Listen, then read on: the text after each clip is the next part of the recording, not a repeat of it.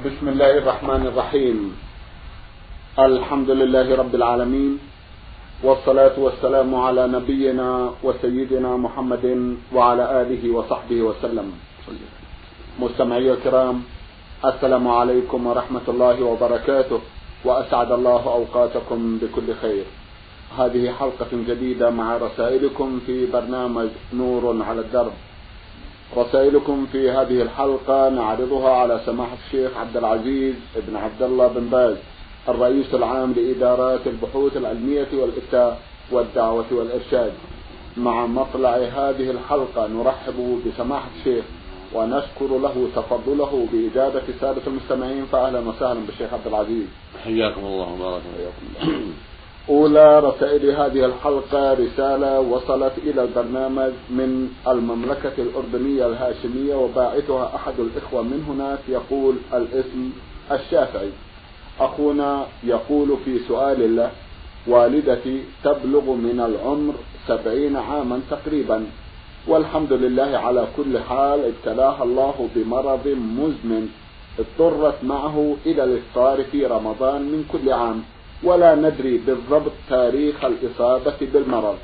وللأسف لم تفد بإطعام مسكين عن الأيام التي أفطرتها لسببين الأول ليس عندها الوعي الديني الكافي بهذا الخصوص. والسبب الثاني لا يوجد في القرية مساكين يستحقون الفدية. والآن وقد هداني الله وأرشدني إلى الصواب أريد أن أخرج فدية للمساكين عن الشهور التي أفطرتها في السنوات الماضية لكن لا أعلم عددها بالتحديد وهي كذلك لا تعلم وكذلك لا أعلم مقدار الفدية الواجب إخراجها عن هذه الشهور التي مضت. فما رأي سماحتكم في هذا الأمر؟ وإذا كانت لي أخت متزوجة وعندها أولاد صغار وهي فقيرة فهل يفضل أن أعطيها قيمة هذه الفدية علما بأن زوجها على قيد الحياة؟ أفيدوني في هذه القضايا. جزاكم الله خيرا. بسم الله الرحمن الرحيم. الحمد لله وصلى الله وسلم على رسول الله وعلى آله وأصحابه ومن اهتدى بهداه. أما بعد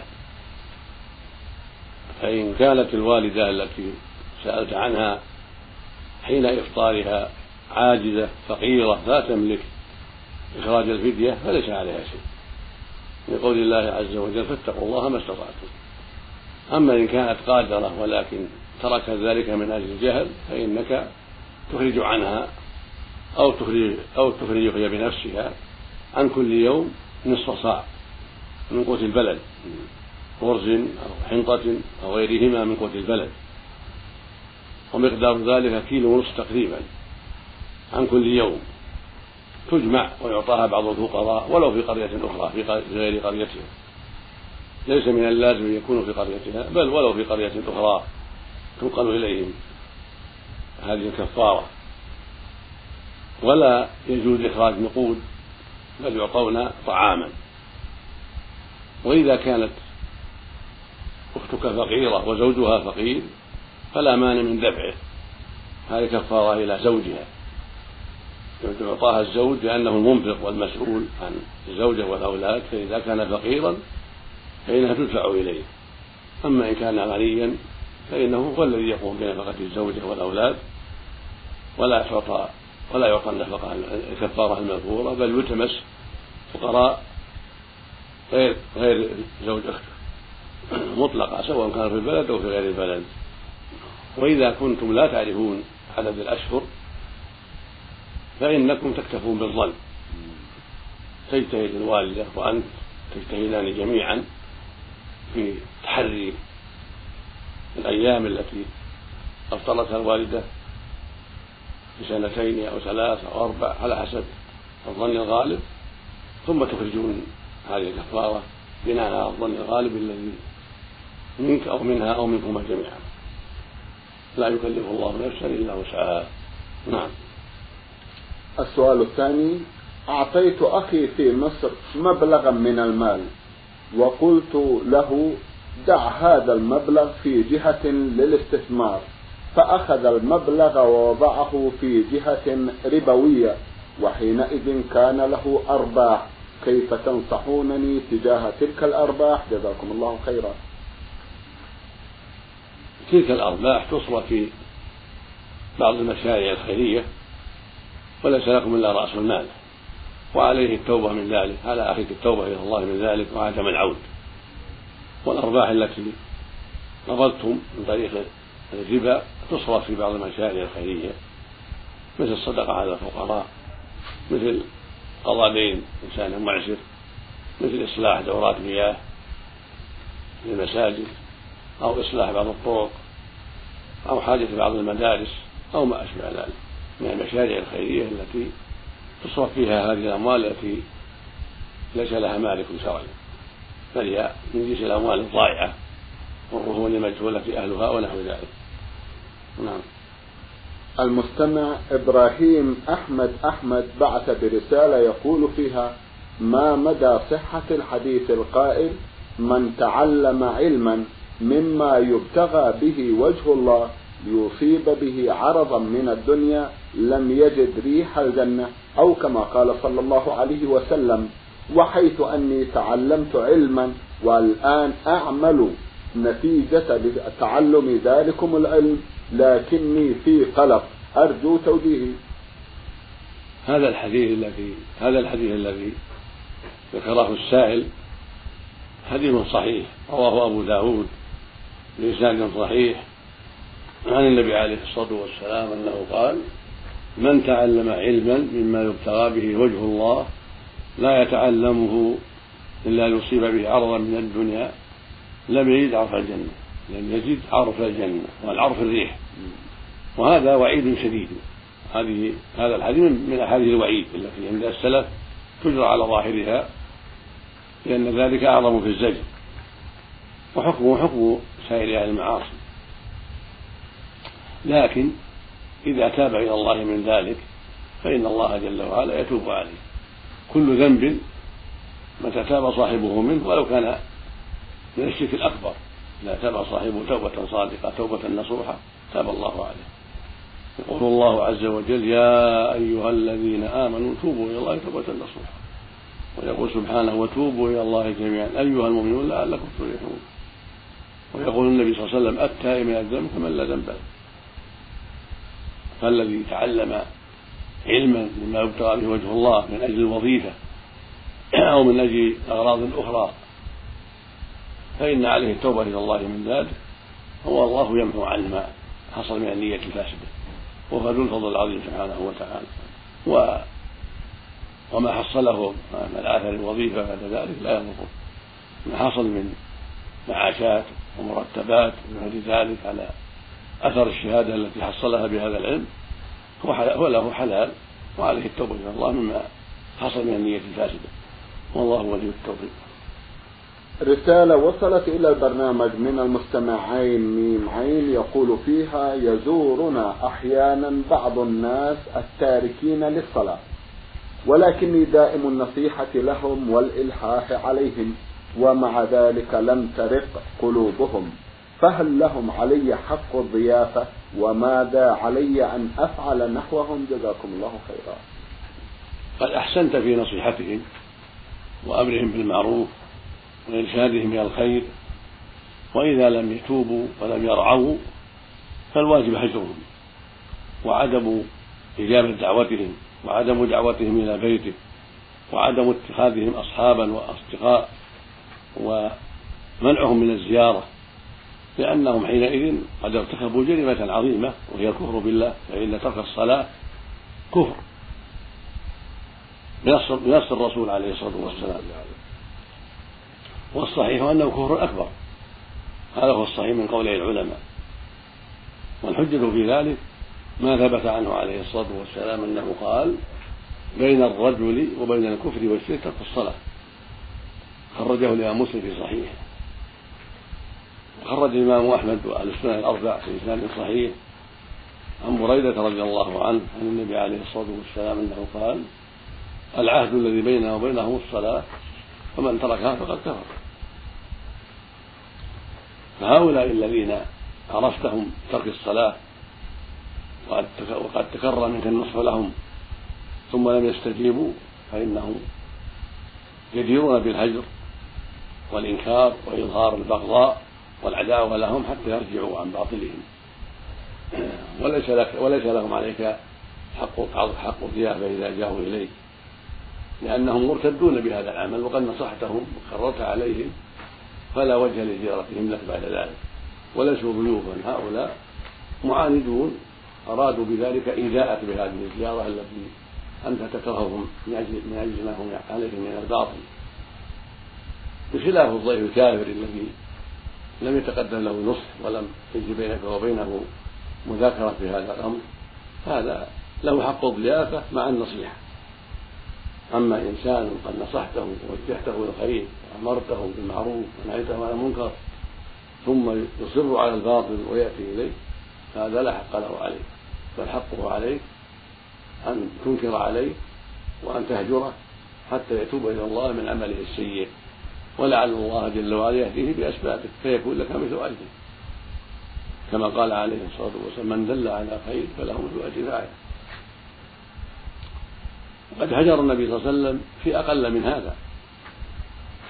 فإن كعب بن مالك رضي الله عنه الأنصاري وصاحبيه لما تخلفوا عن غزوة تبوك وهم قادرون على المشاركة في الغزو وقد أبلغوا وعرفوا وجوب النفير فتخلفوا بدون عذر. فهجرهم النبي صلى الله عليه وسلم والمسلمون خمسين ليلة حتى تاب الله عليهم. فكيف بحال من ترك الصلاة عمدا بغير عذر شرعي وبغير حق بل بمجرد التساهل والتهاون بأمرها؟ وهو جدير بالهجر وجدير بالعداوة والبغضاء. والواجب على ولاة الأمر إذا كانوا مسلمين الواجب عليهم إقامة الحد على هذا الصنف من الناس. فإنه استتاب فإن تاب وإلا قتل. كما قال الله عز وجل فإن تابوا وأقاموا الصلاة وآتوا الزكاة فخلوا سبيلهم. ودل على أن من لم يرجع إلى الصلاة ولم يقم الصلاة لا يخلى سبيله. بل يقتل بعد الاستتابة وثبت عنه عليه الصلاة والسلام قال إني نهيت عن قتل المصلين. وثبت عنه عليه الصلاة والسلام أنه قال أمرت أن أقاتل الناس حتى يشهدوا أن لا إله إلا الله وأني رسول الله ويقيموا الصلاة ويؤتوا الزكاة. فإذا فعلوا ذلك عصموا مني دماءهم وأموالهم إلا بحق الإسلام وحسابهم على الله عز وجل. متفق على صحته والخلاصة أن من ترك الصلاة عمدا عدوانا من غير جحد لوجوبها فإنه يكون كافرا في أصح قول العلماء وعلى ولي أمر المسلمين استتابته فإن تاب وإلا قتل كافرا في أصح أقوال أهل العلم. أما إن كان جاهدا لوجوبها لا يؤمن بأنها فرض فإنه يكفر بذلك عند جميع العلماء ولو صلى. جحد الوجوب كفر إجماعا. ولو فعلها نسأل الله العافية والسلام. نعم.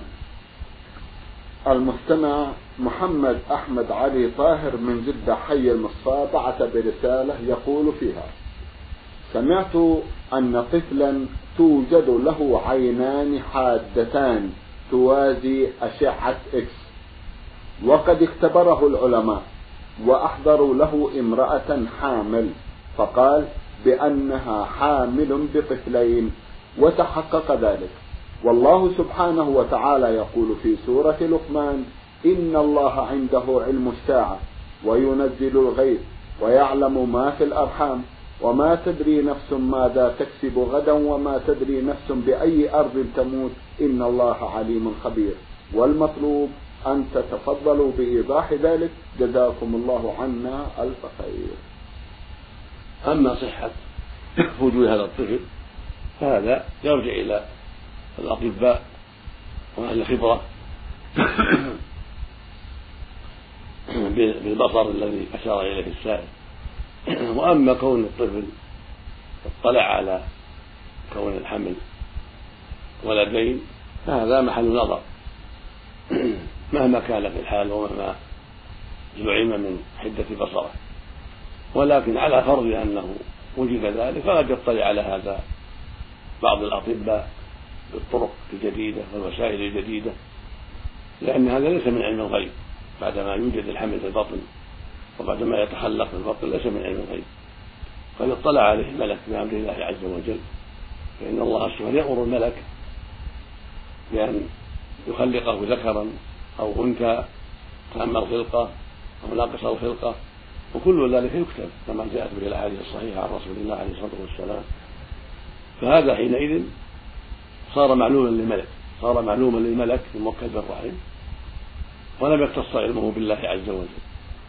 وقد يطلع على هذا بالوسائل وبالأمارات والعلامات التي جربها الخبراء بالحمد وجربها الأطباء. وإنما الذي لا يعلمه إلا الله فقط هو الذي قبل ذلك. قبل أن يخلق الطفل ما دام نطفة وعلقة ومضغة لم يخلق. فهذا هو الذي يختص الله به يختص الله بعلمه سبحانه وتعالى لأنه حينئذ لم يطلع لم يطلع الملك على شيء. أما بعد اطلاع الملك على التخليق فهو حينئذ من من الأمر المشترك وليس من خصائص الله سبحانه وتعالى. بعدما أخبر الملك بما أخبره به سبحانه وتعالى ونفذ الملك ما قاله الله عز وجل وهو ملك موكل بالأرحام كما جاءت به الأخبار عن رسول الله عليه الصلاة والسلام. فليس في هذا إشكال والحمد لله. نعم. المستمع فايد إبراهيم حكم من الرياض بعث يسأل ويقول ما حكم الاحتفال بذكرى الهجرة النبوية الشريفة؟ وجميع المناسبات الإسلامية العظيمة كالإسراء والمعراج وليلة القدر وليلة النصف من شعبان. أثابكم الله وحفظكم للإسلام والمسلمين. القاعدة الشرعية أن العبادات توقيفية. ليس لأحد أن يحدث عبادة لم يأذن بها الشرع. والله جل وعلا يقول سبحانه أم لهم شركاء؟ شرعوا لهم من الدين ما لم يأذن به الله. ويقول سبحانه وتعالى ثم جعلناك على شريعة على شريعة الله فاتبعها. ويقول النبي صلى الله عليه وسلم من أحدث في أمرنا هذا يعني الإسلام ما ليس منه فهو رد يعني فهو مردود. متفق على صحته. ويقول عليه الصلاة والسلام من عمل عملا ليس عليه أمرنا فهو رد. يعني مردود. أخرجه الإمام مسلم في صحيحه وعلقه البخاري رحمه الله في الصحيح جازما به فالاحتفالات يتعبد بها. فلا يجوز منها إلا ما دل عليه الدليل. فالاحتفال بليلة القدر في العشر من رمضان أمر مشروع. شرع الله لنا أن نعظم هذه الليالي وأن نقيم ليلها بالعبادة والذكر والطاعة والقراءة ونصوم نهارها لأنه من رمضان. هذه الليالي العشر تلتمس فيها ليلة القدر. ومشروع للمسلمين أن يعظموها بالصلاة والعبادة في المساجد وفي البيوت للنساء أيضا. كل هذا أمر مشروع. أما الاحتفال بالمولد النبوي أو بأي مولد كان كالمولد البدوي ومولد الحسين ومولد علي رضي الله عنهما إلى غير هذا. فهذه هذه الاحتفالات من البدع التي أحدثها الناس وليست مشروعة. وإن فعلها كثير من الناس في كثير من الأمصار فإنها لا تكون سنة بفعل الناس. وليس في الإسلام بدعة حسنة بل كل كل بدع منكرة. كما قال النبي صلى الله عليه وسلم كل بدعة ضلالة.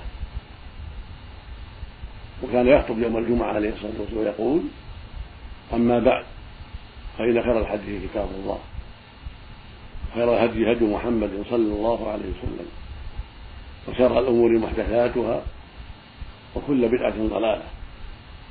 خرجه إلى مسلم في صحيح زاد النسائي رحمه الله بإسناد صحيح وكل ضلالة في النار. فالبدع كلها ضلالة. وإن سمى بعض الناس بعض البدع بدعة حسنة فهو قول اجتهادي لا دليل عليه. ولا يجوز أن يعارض قول الرسول صلى الله عليه وسلم بقول أحد من الناس. فالرسول صلى الله عليه وسلم حكم على البدع بأنها ضلالة. فليس لنا أن نستثني شيء من هذا الأمر إلا بدليل شرعي لأن هذه جملة عامة محكمة كل بدعة ضلالة. وهكذا الاحتفال بليلة الإسراء والمعراج وبليلة النصف من شعبان والاحتفال بالهجرة النبوية أو فتح مكة أو بيوم بدر كل ذلك من البدع. لأن هذه الأمور موجودة على عهد النبي صلى الله عليه وسلم ولم يحتفل بها. ولو كانت قربة إلى الله لاحتفل بها عليه الصلاة والسلام. أو أمر بها الصحابة أو فعلها الصحابة بعده. فلما لم يكن شيء من هذا علمنا أنها بدعة وأنها غير مشروعة هذه الاحتفالات. ولا يبرر فعلها أنه فعلها فلان وفلان أو فعلها أهل البلد الفلاني. كل ذلك لا يبرر إنما الحجة قالوا ما قال الله ورسوله. أو أجمع عليه سلف الأمة.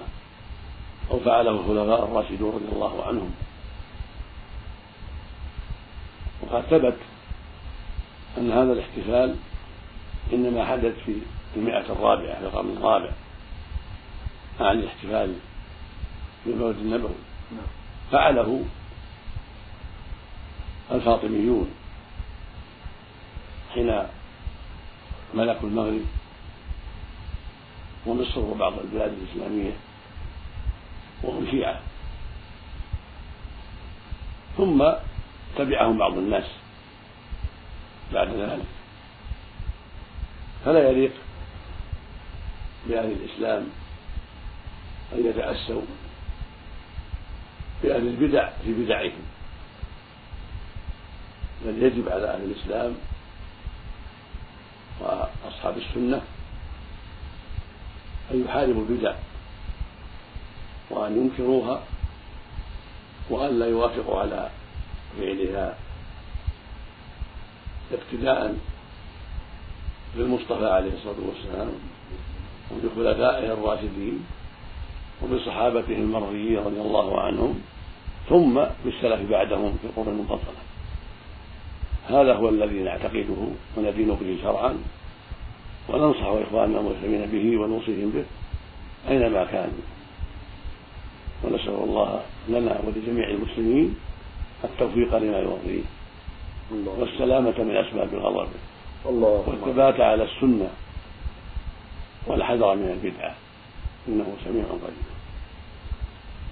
رسالة وصلت إلى البرنامج من إحدى الأخوات المستمعات تقول المرسلة ميم نون يا والجنسية مصرية ومقيمة في المنطقة الشرقية تقول كان لها ولد لا يصلي ولا يصوم وقد توفي وتراه في المنام يناقشها في موضوع صلاته وترجو من سماحتكم التوجيه هل تقضي عنه ما لم يصلي؟ لا يقضى عنه ولا يتعالى ولا عليه يترك. أمره إلى الله. لأن ترك الصلاة كفر أكبر. فلا يدعى له ولا يدعى عليه ولا يتصدق عنه. لأن الصدقة والدعاء إنما تكون لأهل الإسلام. أما من مات على غير الإسلام فإنه لا يدعى له وقد ثبت عنه عليه الصلاة والسلام أنه استأذن ربه أن يستغفر لأمه. وقد ماتت في الجاهلية فلم يؤذن له مع أنها ماتت في الجاهلية. فلا يجوز للمسلم أن يستغفر لمن مات على أعمال الكفر كترك الصلاة وعبادة وعبادة أصحاب القبور وسب الدين والاستهزاء بالدين ونحو ذلك. كل هؤلاء لا يصلى عليهم ولا يدعى لهم إذا ماتوا على هذه الحال ولم يتوب. نسأل الله السلامة. اللهم من السودان هذه رسالة بعث بها أحد الإخوة المستمعين يقول فيها المرسل سيد جعفر. أخونا له مجموعة من الأسئلة في أحد أسئلته. يقول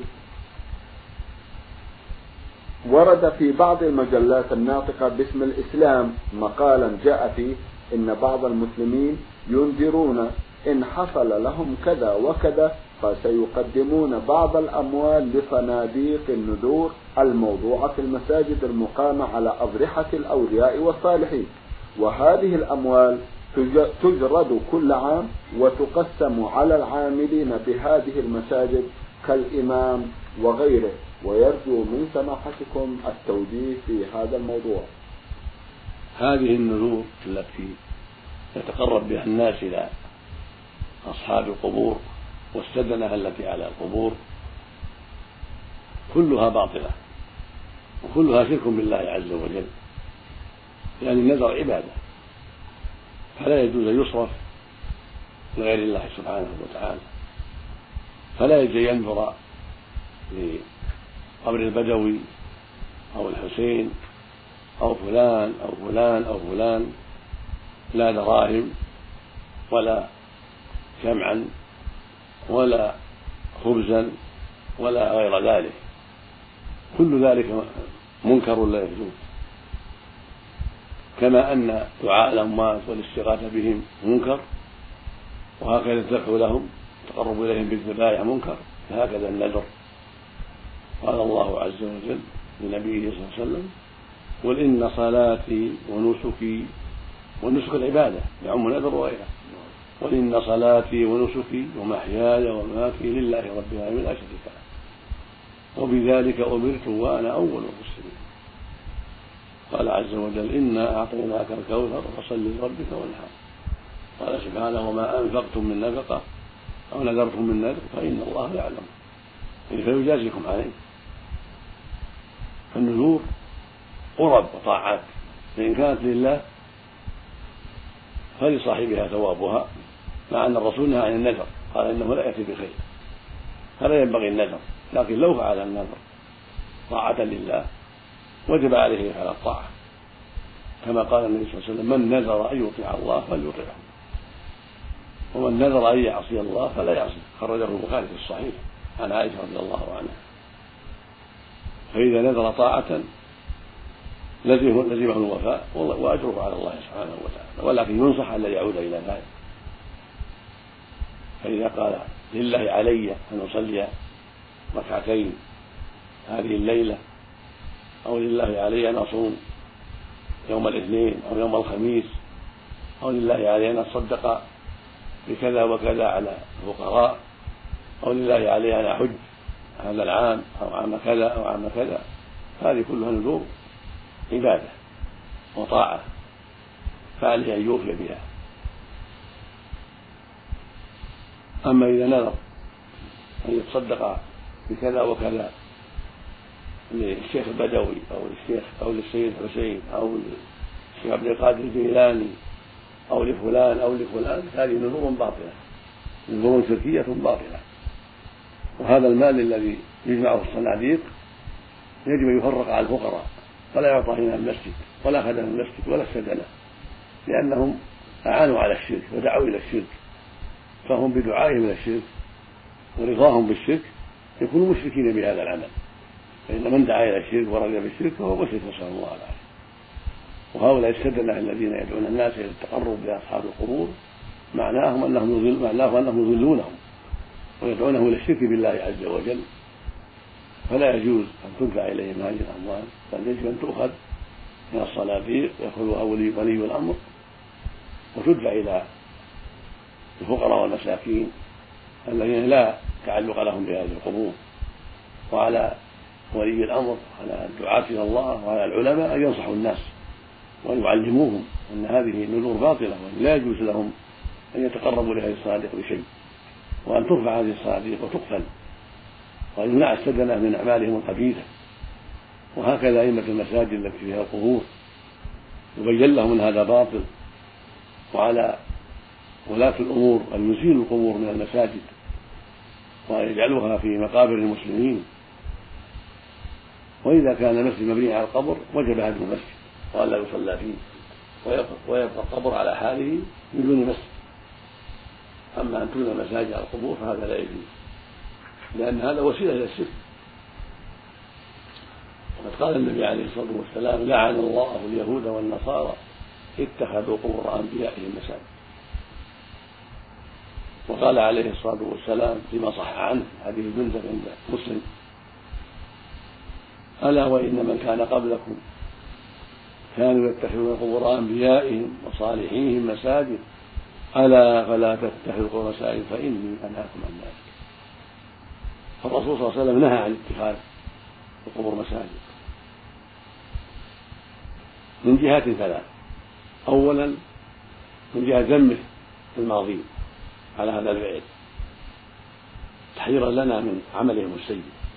ولهذا قال ألا وإن من كان قبلكم كان يتخذ القرآن بأي المساجد ألا فلا تتخذوا المساجد فإني أنهاكم عن ذلك. وقد لعن الله اليهود والنصارى اتخذوا القرآن بأي المساجد هذا كله تحذير لنا من فعلهم والتأسي بهم. الوجه الثاني أنه قال فلا تتخذوا. هذا نهي صريح. الوجه الثالث قال فإني أنهاكم عن ذلك. تأكيد لما تقدم. وهذه الوجوه الثلاثة كلها توجب تحريم اتخاذ المساجد أو القبور والصلاة عند القبور واتخاذها محلا للقراءة أو محلا للدعاء أو الاستهزاء والسؤال. وعلى ولاة الأمر من المسلمين أن يعقلوا هذا ويفهموه وأن يمنعوا من اتخاذ مساجد القبور ويمنعوا من إيجاد الصناديق عندها للنذور ويرشد العامة إلى أن هذا لا يجوز كما يجب عليهم أن يرشدوا العامة إلى أنه لا يجوز دعاء الميت ولا الاستغاثة بالميت ولا الندعو له ولا الطواف بقبره. كل هذا منكر بل شرك بالله.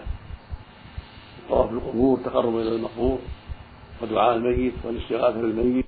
العارفين بما بما شرع الله في أمر القبور وأمر الشرك لأن كثيرا من الناس قد ينتسب إلى العلم وهو ليس من العلماء بل يقر الشرك ويدعو إليه وهو مع أهله. فمثل هذا لا يعد من العلماء ولا ينسب إلى العلم لجهله. ووقوعه في الشرك ولا حول ولا قوة إلا بالله. وإنما العلماء هم العلماء بالله العارفون بشرعه الذين فهموا الكتاب والسنة وفهموا ما كان عليه سلاف الأمة وعرفوا الشرك والتوحيد. وهم مذكورون في قوله جل وعلا شهد الله أنه لا إله إلا هو. والملائكة واولو العلم. وهم مذكورون في قوله تعالى إنما يخشى الله من عباده العلماء. يعني العلماء بالله وبشرعه أهل البصائر وهم مذكورون في قوله عليه الصلاة والسلام العلماء ورثه الأنبياء. ولقى الله جميع التوفيق والهداية. وأرشد الأئمة والعلماء والأمراء لكل ما فيه صلاح العباد والبلاد. ومنح, ومنح الجميع الفقه في الدين والثبات عليه. وهدى العامة لما فيه صلاحهم ونجاتهم وأعاذهم من كل ما يغضبه سبحانه ويوقع في الهلاك والعذاب في العاجل والآجل. ولا حول ولا قوة إلا بالله. نعم. جزاكم الله خيرا. سماحة الشيخ في الختام أتوجه لكم بالشكر الجزيل.